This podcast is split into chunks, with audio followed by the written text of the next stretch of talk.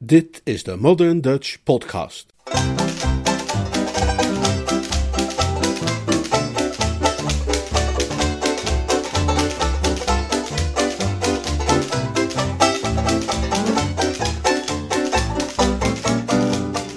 hond Macintosh en wat daarmee gebeurde.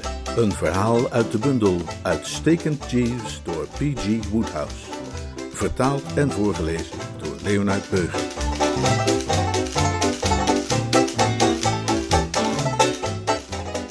Ik schrok wakker uit mijn gebruikelijke diepe en droomloze door een geluid alsof de donder rommelde in de verte.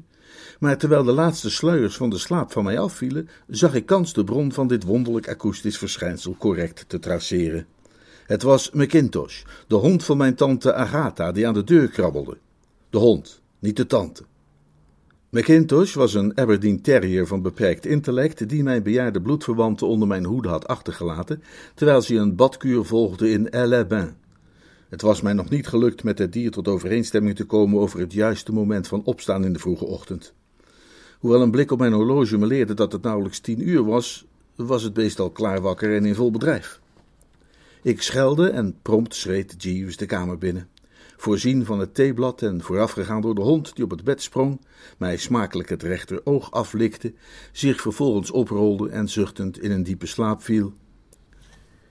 Wat er nu precies de aardigheid van is om s'morgens godsliedelijk vroeg op te staan en aan deuren te gaan krabben, om vervolgens bij de eerste de beste gelegenheid weer te gaan liggen pitten, ontgaat mij geheel en al. En toch is dat wat het geschrifte beest de afgelopen vijf weken elke ochtend had gedaan.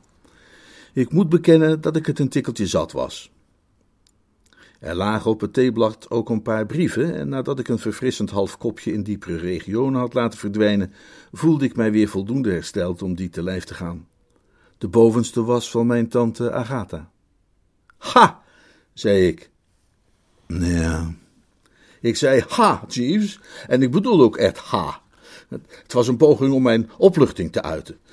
Mijn, mijn tante Agatha komt vanavond thuis. Ze arriveert vanavond in haar huis hier in Londen tussen zes en zeven. En ze gaat ervan uit dat Macintosh achter de deur klaar zal staan om haar te begroeten. Werkelijk, meneer. Ik zal het brave dier missen. Ik ook, Jeeves, ik ook.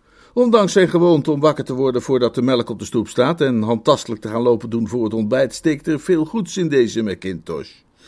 Maar toch kan ik mij niet anders dan opgelucht voelen bij het vooruitzicht hem terug te mogen brengen naar zijn eigen woonst. Het is een angstige taak geweest voor hem te moeten zorgen, hè? Je weet hoe mijn tante Agatha is. Ze bemint het dier met een liefde die beter besteed zou zijn aan een neef. Was het dier ook maar de kleinste kleinigheid overkomen terwijl ik in loco parentis verkeerde, als hij bijvoorbeeld, terwijl hij bij mij logeerde, hondsdolheid had opgelopen, of wormen, of BSE, dan zou ze ongetwijfeld mij daarvan de schuld gegeven hebben. Volkomen correct, meneer.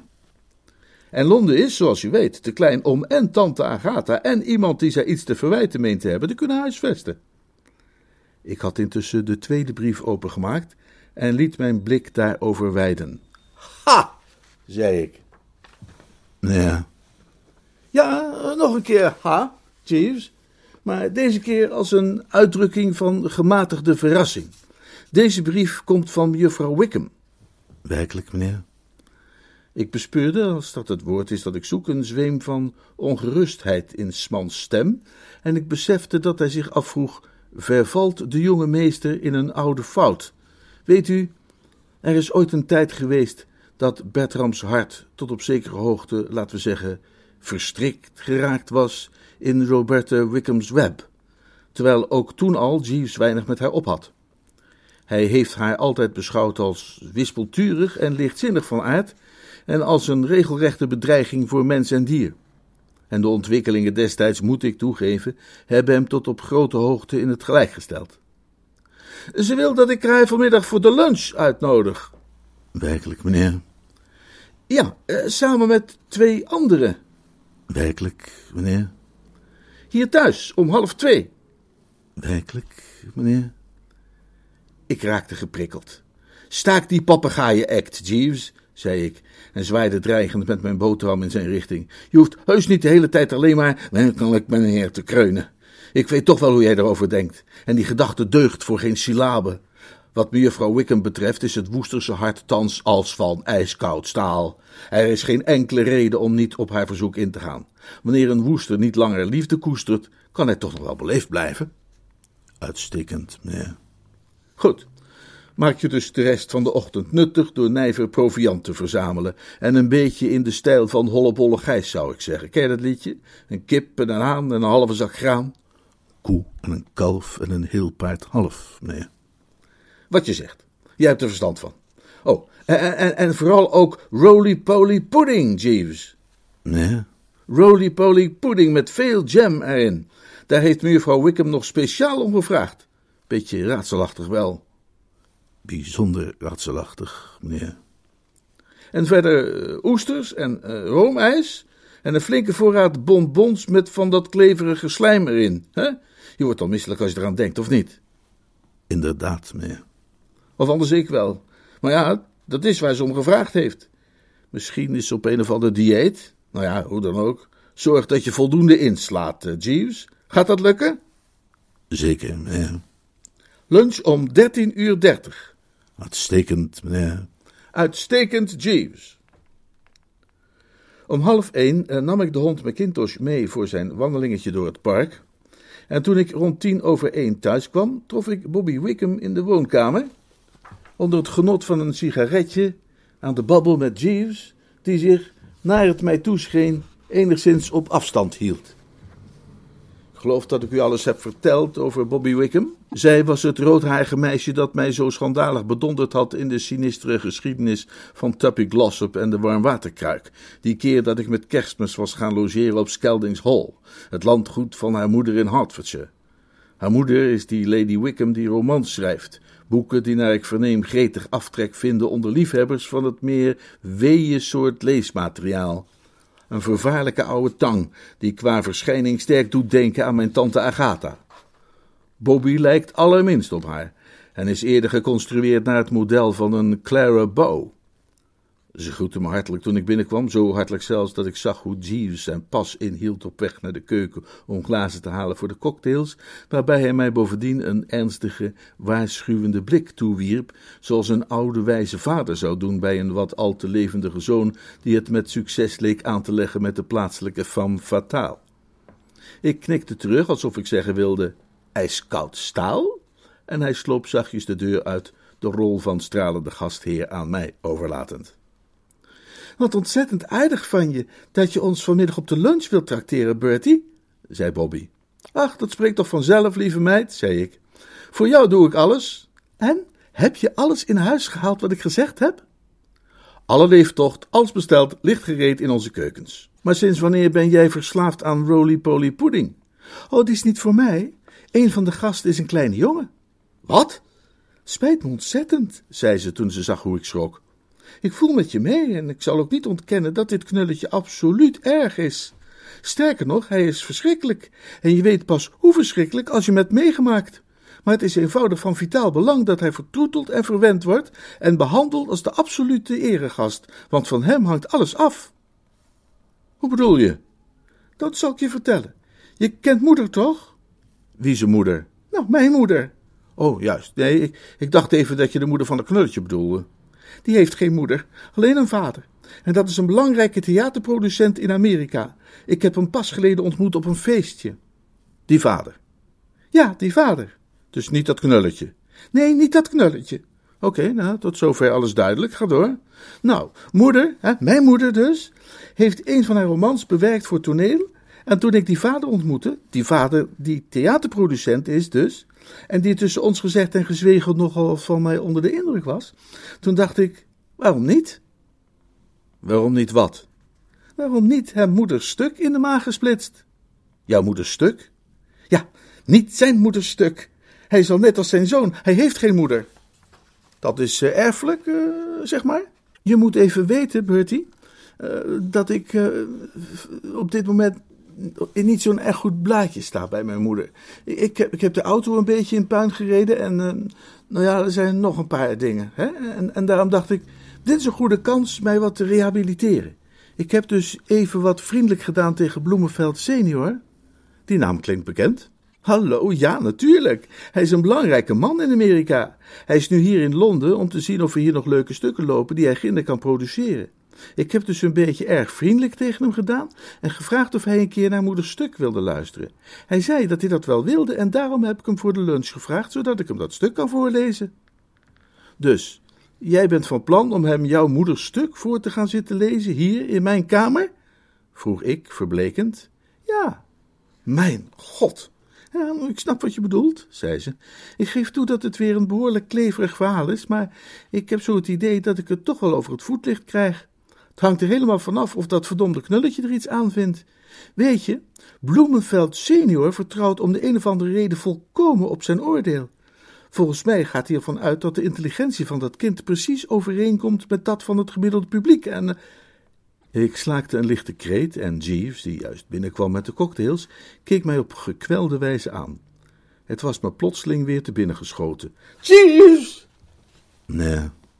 Weet je nog, toen wij in New York waren, toen was daar zo'n knulletje met een oliekoekengezicht dat Bloemenveld heette en dat een keer zo'n fameuze grote bek heeft gegeven aan Cyril Bassington Bassington, toen die nog verwoede pogingen deed om een toneelcarrière op te bouwen. Ik herinner mij het voorval bijzonder levendig, meneer. Nou, zet je dan maar schrap. Dat ventje komt hier zo dadelijk op de lunch. Werkelijk, meneer. Ik ben blij dat je daar nog zo luchthartig op kunt reageren. Ik heb die jeugdige gifpil maar een paar minuten mogen meemaken, maar ik zal je niet verhullen dat het vooruitzicht met dat joch te moeten drinken en klinken me doet trillen als een espenblad. Werkelijk, meneer. Zeg toch niet de hele tijd werkelijk, meneer. Je hebt die Stott York in actie gezien en je kent zijn stijl. Tegen Cyril Bassington Bassington, iemand aan wie hij niet eens formeel was voorgesteld, zei hij boutweg dat hij een gezicht had als een platvis. En dat nog geen dertig seconden nadat ze elkaar voor de eerste keer hadden ontmoet. Ik waarschuw je dat als hij tegen mij durft te zeggen dat ik een gezicht heb als een platvis, ik hem een ferme draai om zijn oren zal geven. Bertie! riep La Wickham, haar gelaat vertrokken van schrik, van bange voorgevoelens en van wat al niet. Ik meen het. Maar dan zul je alles bederven. Dat kan me niet schelen. Wij Woesters hebben onze trots. Wellicht zal het de jonge heer niet opvallen dat u een gezicht hebt als een platvis, meneer. Droeg Jeeves zijn steentje bij. Nou, nou ja, dat, dat is natuurlijk mogelijk. Maar dan mogen we niet op gokken, zei Bobby. Waarschijnlijk is dat juist het eerste wat hem zal opvallen.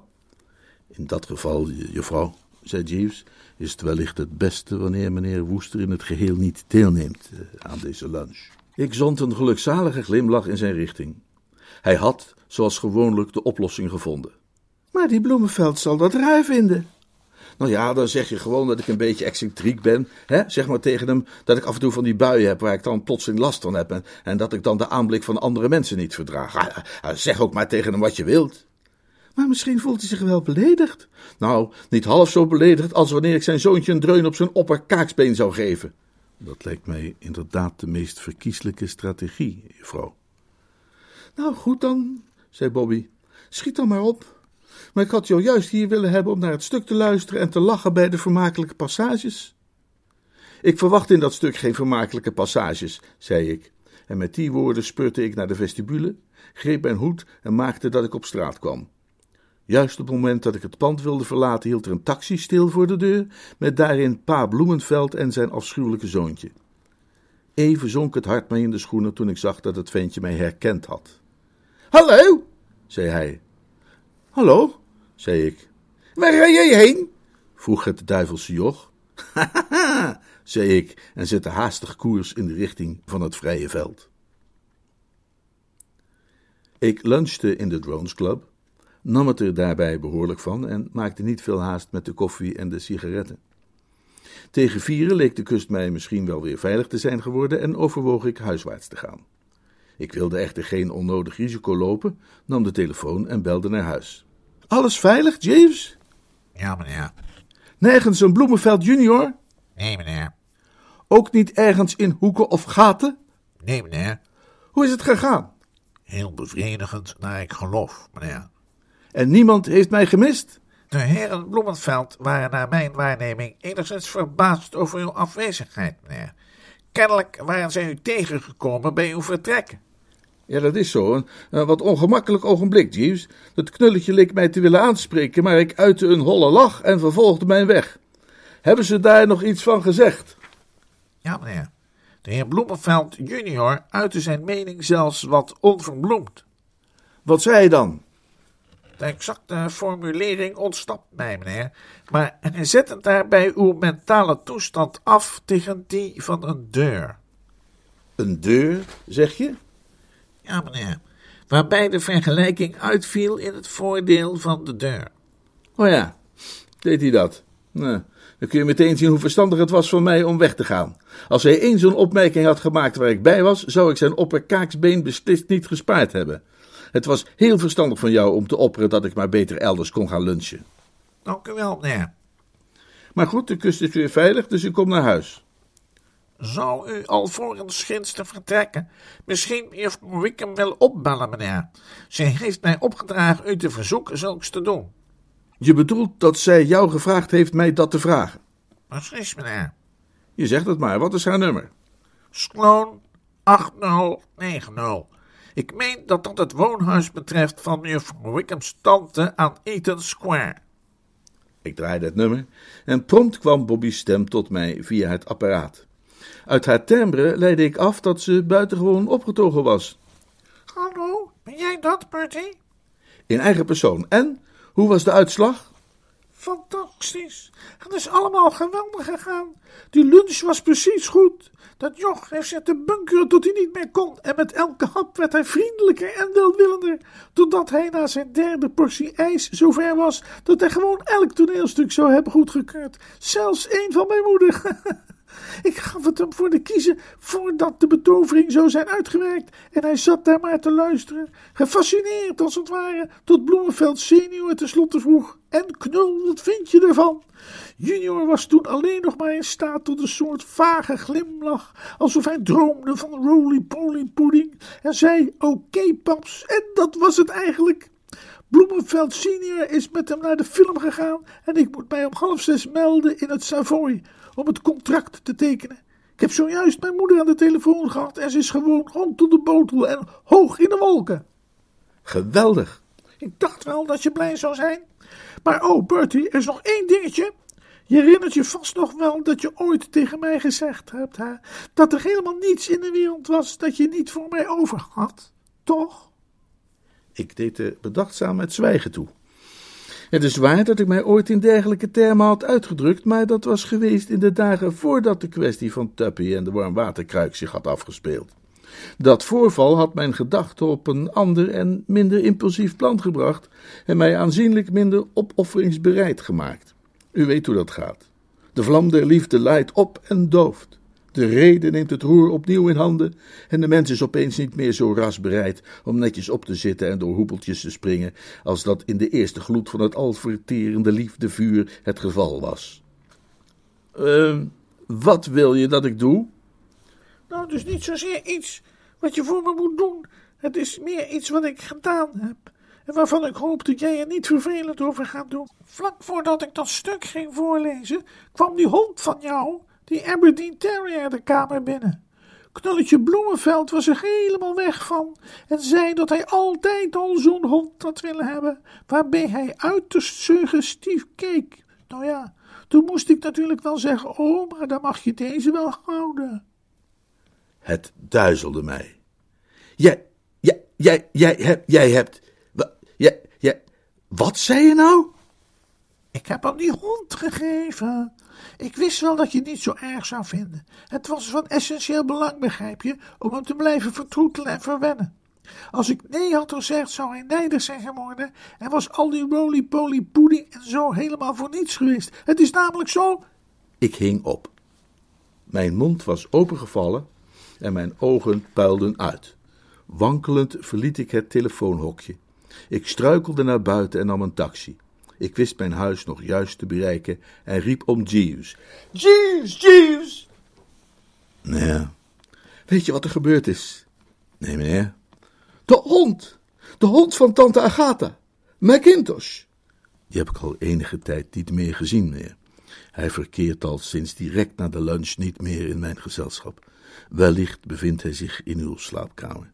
Ja, en misschien is hij daar wel helemaal niet. Als je echt wilt weten waar hij is, hij bevindt zich in een suite in het Savoy Hotel. Ja. Mevrouw Wickham heeft me zojuist verteld dat ze hem cadeau heeft gedaan aan Bloemenveld junior. Ja. dat ze hem cadeau heeft gedaan aan Humanveld Bloemior, zeg ik. Cadeau!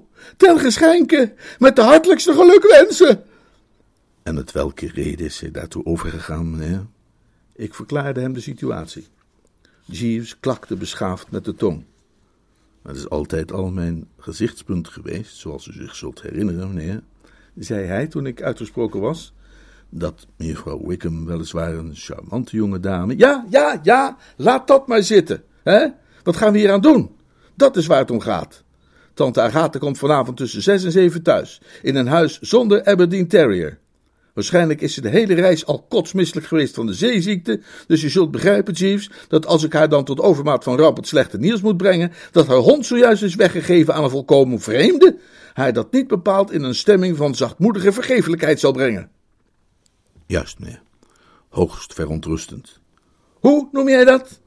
Hoogst verontrustend, meneer. Ik produceerde een kort, verachtelijk snuiven. oh ja?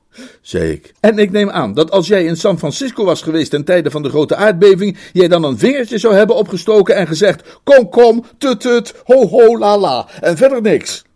Onze taal, zo is mij op school geleerd, is de rijkste ter wereld. Van voor tot achter stampvol met miljoenen van de smakelijkste bijwoorden en bijvoeglijke naamwoorden. En het enige woord dat jij weet te vinden om deze gruwelijke gebeurtenis mee te typeren, is verontrustend. Dit is niet verontrustend, Jeeves. Dit is. Uh, wat is het woord dat ik zoek? Cataclysmisch, nee. Nee, dat zou zomaar kunnen. Maar goed, wat, wat doen we? Ik zal u allereerst een whisky soda inschenken, meneer. En waar is dat dan goed voor? Dat dient ter verfrissing, meneer. En intussen zal ik, wanneer u dat wenst, de zaak mijn aandacht schenken. Doe dat! Uitstekend, meneer.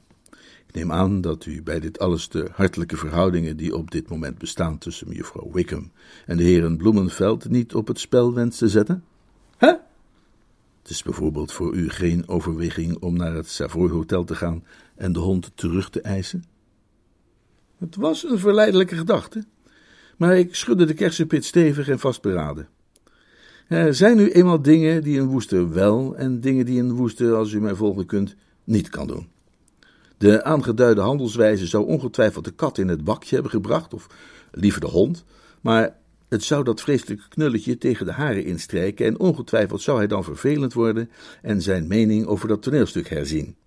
En hoewel ik niet het idee had dat het toneelstuk dat was geschreven door Bobby's moeder het theaterminnend publiek erg veel te bieden had, ging het mij toch te ver om de hoorn des geluks, bij wijze van spreken, van Bobby's lippen weg te rukken, zeg maar. Noblesse oblige geeft wel ongeveer weer wat ik bedoel. Nee, Jeeves, zei ik, maar als je een tactiek kunt bedenken waarbij ik op slinkse wijze die suite binnen zou kunnen dringen om dat beest te ontvoeren, zonder dat daarbij iemand mentaal of anderszins wordt gekwetst, dan zou ik daar erg benieuwd naar zijn. Ik zal mijn uiterste best doen, ja. Aan de slag dan, Jeeves, en zonder verwijl. Ik heb wel eens gehoord dat vis erg goed is voor de hersens. Stort je op de sardientjes en kom daarna verslag uitbrengen. Uitstekend, meneer. Na een minuut of tien keerde hij terug in mijn midden. Ik meen, meneer. Ja, Jeeves? Ik meen stellig, meneer, dat ik thans beschik over een bruikbaar plan de campagne. Een list, als het ware. Of list, inderdaad, meneer. Een plan de campagne of list waarmee wij ons doel ongetwijfeld zullen bereiken.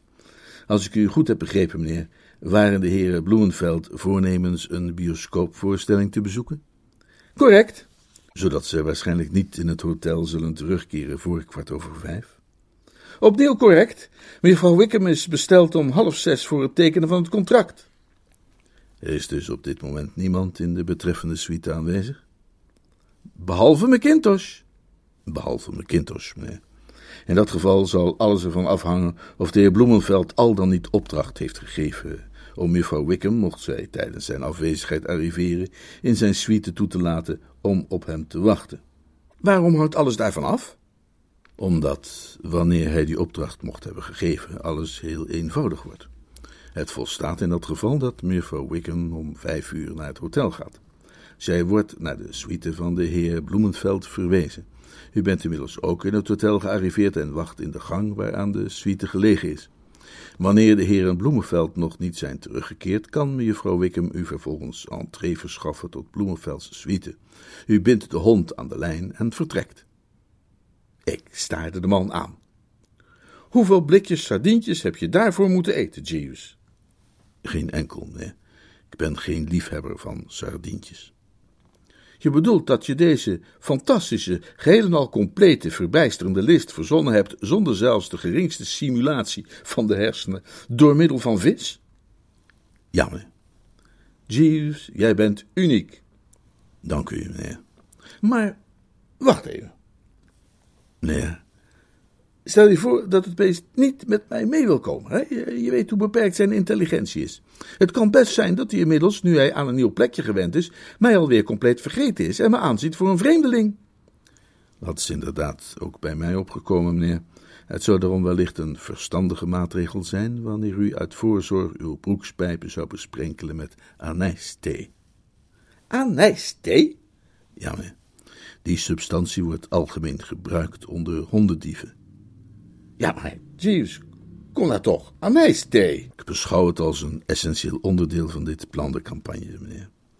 Maar hoe komen we aan dat spul? Het is bij iedere drogist en reformwinkel bekrijgbaar, meneer. Wanneer u zo vriendelijk zou willen zijn om even een pakje te gaan kopen, zal ik inmiddels mevrouw Wickham opbellen om haar op de hoogte te brengen van onze voorgenomen plannen. En mij ervan te verzekeren of zij inderdaad toegang zal kunnen krijgen tot de suite van de heer Bloemenveld. Ja, ik weet niet wat het snelheidsrecord is voor het te kopen van pakjes anijsthee, maar het is waarschijnlijk dat ik de houder ben van dat record. De gedachte aan tante Agatha, die iedere minuut de Londense metropool dichter naderde, verleende mij vleugelen. Ik was zo razendsnel terug in mijn appartement dat ik bijna mezelf bij mijn vertrek op de drempel ontmoette. Jeeves had goed nieuws. Alles verloopt volgens wens. De heer Bloemenveld heeft inderdaad opdracht gegeven mevrouw Wickham tot zijn suite toe te laten. Zij is op dit moment onderweg naar het hotel. Tegen de tijd dat u er arriveert, zult u haar daar aantreffen. Weet u, wat er ook op die beste Jeeves mag zijn aan te merken? Persoonlijk sta ik bijvoorbeeld vast in mijn mening dat zijn opvatting op het punt van overhemden als gedragen bij avondkleding bekrompen zijn en tot op zekere hoogte zelfs uitgesproken reactionair. U zult moeten toegeven dat hij weet hoe een plan de campagne moet worden opgesteld. Napoleon zelfs zou nog het een en ander van hem hebben kunnen leren. Huh? Desnoods in een schriftelijke cursus. En als hij een list verzint, dan is alles wat je hoeft te doen die list uit te voeren en klaar is Kees. Ook in het onderhavige geval verliep alles volkomen volgens plan. Ik had nooit beseft dat het stelen van honden zo eenvoudig kon zijn. Ik had eigenlijk altijd gedacht dat een koel, berekenend stel hersenen en stalen zenuwen voor dat vak een eerste vereiste waren. Nu weet ik dat ook een kind de was kan doen, mits hij daarbij Jeeves aanwijzingen volgt. Ik arriveerde in het hotel, sloop de trap op, hing een poosje rond in de gang, waarbij ik mijn best deed om zoveel mogelijk op een palm in een pot te lijken, voor het geval er iemand voorbij zou komen, tot uiteindelijk de deur van de betreffende suite openging en Bobby verscheen. Toen ik dichterbij kwam, schoot plotseling McIntosh naar buiten, overactief snuivend met de neus in de lucht. Het volgende ogenblik begon hij een energiek, om niet te zeggen gulzig, olfactorisch onderzoek aan de pantalon van mijn lentekostuum, waarbij hij mij met alle kentekenen van een opperst genoegen besnoof. Als ik een vogel was geweest die hier vijf dagen dood had gelegen, had hij er nauwelijks meer plezier aan kunnen beleven. De lucht van anijs is niet een geur waar ik persoonlijk nu zo dol op ben, maar McIntosh werd er kennelijk tot in het diepst van zijn ziel door aangesproken.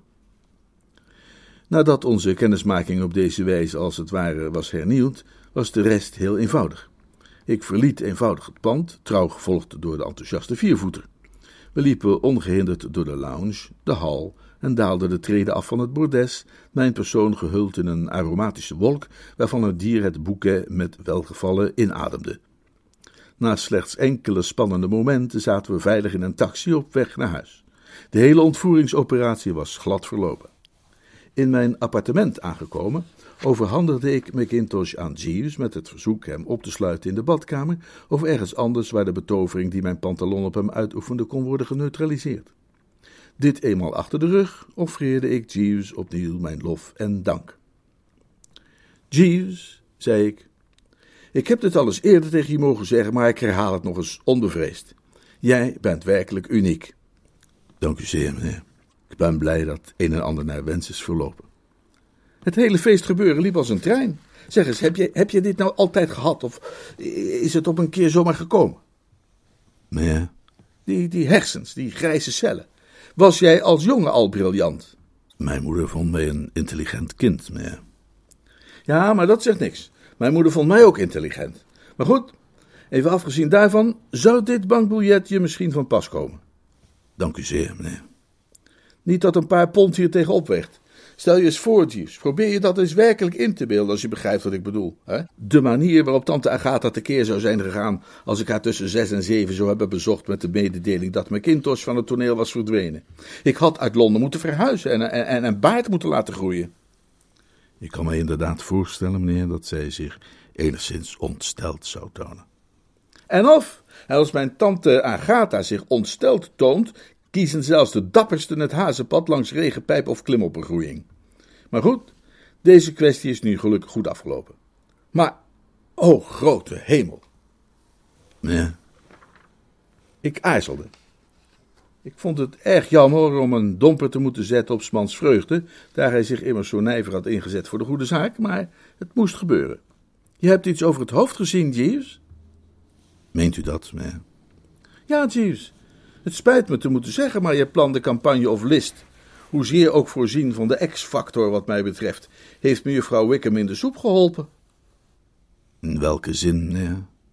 Nou, je begrijpt toch zeker wel dat als ze te horen krijgen dat mevrouw Wickham op het moment van de ontvoering in hun suite aanwezig was, de heren Bloemenveld natuurlijk meteen zullen begrijpen dat zij iets te maken moet hebben gehad met de verdwijning van McIntosh. En in hun woede en verontwaardiging zullen ze ongetwijfeld het contract over het toneelstuk in kleine stukjes scheuren. Het verbaast me dat je er zelf niet opgekomen bent, Jeeves. Je had dus toch maar beter wel die sardientjes kunnen eten zoals ik je had aangeraden. Ik schudde mismoedig het hoofd. En op dat moment werd er aan de voordeur gebeld. En niet gewoon gebeld.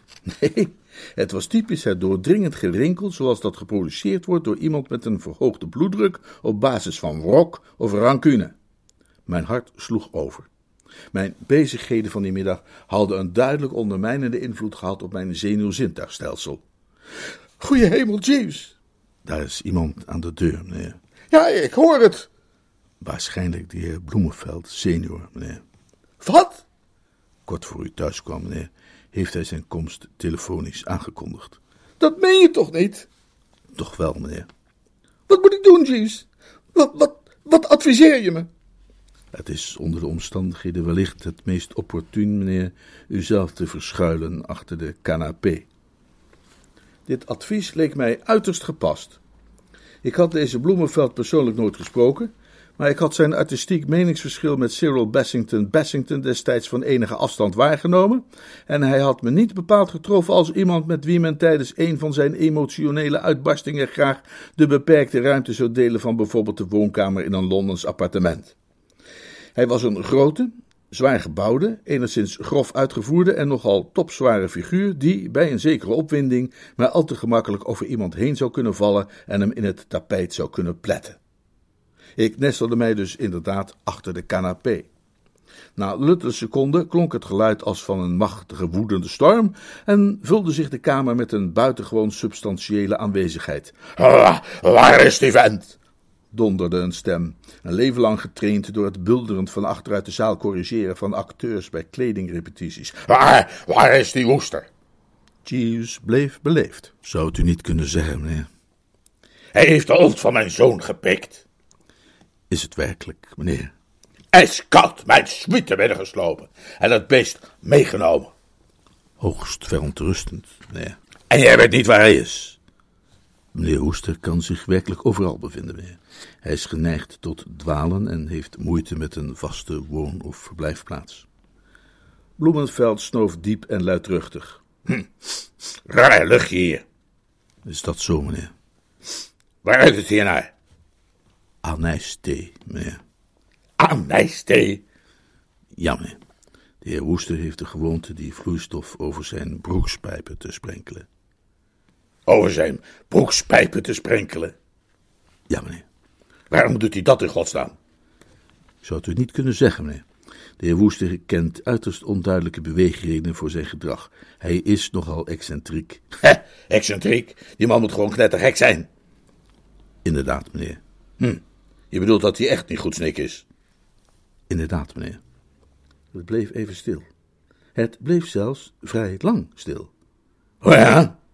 zei Bloemenveld senior, en ik meende te kunnen horen dat een goed deel van de assertiviteit die zijn stemgeluid eerder had gekenmerkt, verloren was gegaan. Het was weer even stil. Toch niet uh, gevaarlijk? Helaas wel, meneer. In ieder geval wanneer hij wat opgewonden raakt. Oh. En uh, waar raakt hij zo al opgewonden van? Een van de heer Woesters eigenaardigheden is dat hij geïrriteerd raakt door de aanblik van heren met een zeker un bon point. Om de een of andere reden wekken die zijn bijzondere woede. Hm? Dikke kerels, bedoel je? Inderdaad, meneer. Hoe dat zo? Dat is niet te zeggen, meneer. Opnieuw bleef het enige tijd stil. Ik ben een dikke kerel, zei Bloemenveld senior tenslotte op bedachtzame toon. Ik zou het zelf niet hebben durven opmerken, meneer, maar nu u het zo ter sprake brengt. U zult zich misschien herinneren dat de heer Woester, toen hij vanmiddag vernam dat u deel zou uitmaken van het gezelschap, dat hij de lunch zou gebruiken, uit vrees zijn zelfbeheersing te zullen verliezen, liever vertrok. Ja, dat klopt. Hij kwam juist naar buiten gerend toen ik eraan kwam. Ik vond het op dat moment al gek, hè. En, en, en mijn zoon vond het ook gek. We vonden het allebei gek. Ja, meneer. Ik stel mij zo voor dat de heer Woester onaangenaamheden wensen te voorkomen, zoals we die wel eens eerder hadden. En wat betreft die anijsgeur, meneer, ik geloof dat ik de bron daarvan nu heb gevonden. Tenzij ik mij vergis, komt die van achter de canapé. Ongetwijfeld ligt de heer Woester daar te slapen. Te wat? Te slapen, meneer. Slaapt hij wel vaker op de grond? Uh, bijna iedere middag, meneer. Wilt u dat ik hem voor u wek? Nee. Ik dacht dat u gekomen was om de heer Woester te spreken, meneer. Bloemenveld senior haalde diep adem. Ja, dat was ik ook, zei hij. Maar bij nader inzien toch maar niet. Zorg alleen maar dat ik hier levend vandaan kom. Dat is alles wat ik je vraag. Ik hoorde de deur achter hem dichtgaan en even later ook het geluid van de buitendeur. Ik kroop tevoorschijn. Ik had niet al te genoeglijk gelegen achter de canapé en ik was blij de leden weer wat te kunnen strekken. Jeeves druppelde weer binnen. Is hij weg, Jeeves? Ja, meneer. Ik keek hem tevreden aan. Een van je betere optredens, Jeeves? Dank u, meneer. Maar wat ik niet snap is wat hij eigenlijk kwam doen hier. Waarom dacht hij dat ik het was die McIntosh had ontvoerd? Ik was zo vrij geweest mevrouw Wickham aan te raden de heer Bloemenveld te zeggen dat ze had gezien hoe u het was die het dier uit zijn suite meenam. Uw opmerking over de noodzaak haarzelf in ieder geval buiten iedere verdenking te houden was mij niet ontgaan. Het leek mij dat een dergelijke opmerking haar zelfs in een zo mogelijk nog beter blaadje zou kunnen brengen bij de heer Bloemenveld. Oh, juist. Hm. Uh, link natuurlijk, maar wellicht gerechtvaardigd. Ja, alles bij elkaar wel gerechtvaardigd. Uh, wat heb jij daar in je hand? Een briefje van vijf pond, meneer. Ah, het biljet dat ik jou gegeven heb. Nee, meneer. Het biljet dat de heer Bloemenveld mij gegeven heeft. Hè? Waarom heeft hij jou dan vijf pond gegeven? Hij was zo vriendelijk mij dat te geven toen ik hem de hond overhandelde, meneer. Ik staarde hem aan met open mond. Maar, je, je, je, je wilt toch niet zeggen... Niet McIntosh, meneer. McIntosh bevindt zich op dit moment in mijn slaapkamer. Het ging hier om een ander dier van hetzelfde ras dat ik tijdens uw afwezigheid had aangeschaft in een winkel in Bond Street. Behalve gezien door het oog der liefde, meneer, is er bijzonder weinig verschil tussen de ene Aberdeen Terrier en de andere. De heer Bloemenveld, mocht ik gelukkig constateren, heeft mijn onschuldig bedrog niet doorzien. Jeeves, zei ik, en ik schaam mij niet te bekennen dat het was met een lichte brok in de keel.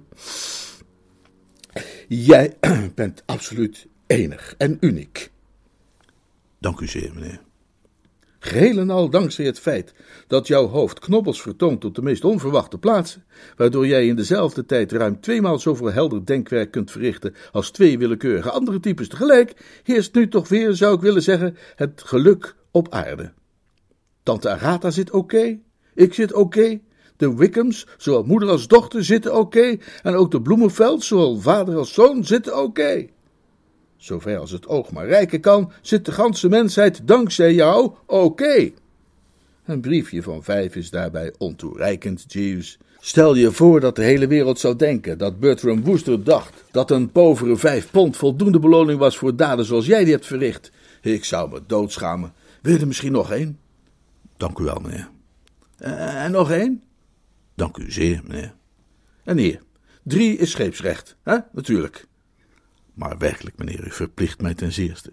Maar neemt u mij niet kwalijk, meneer. Ik meende de telefoon te horen gaan.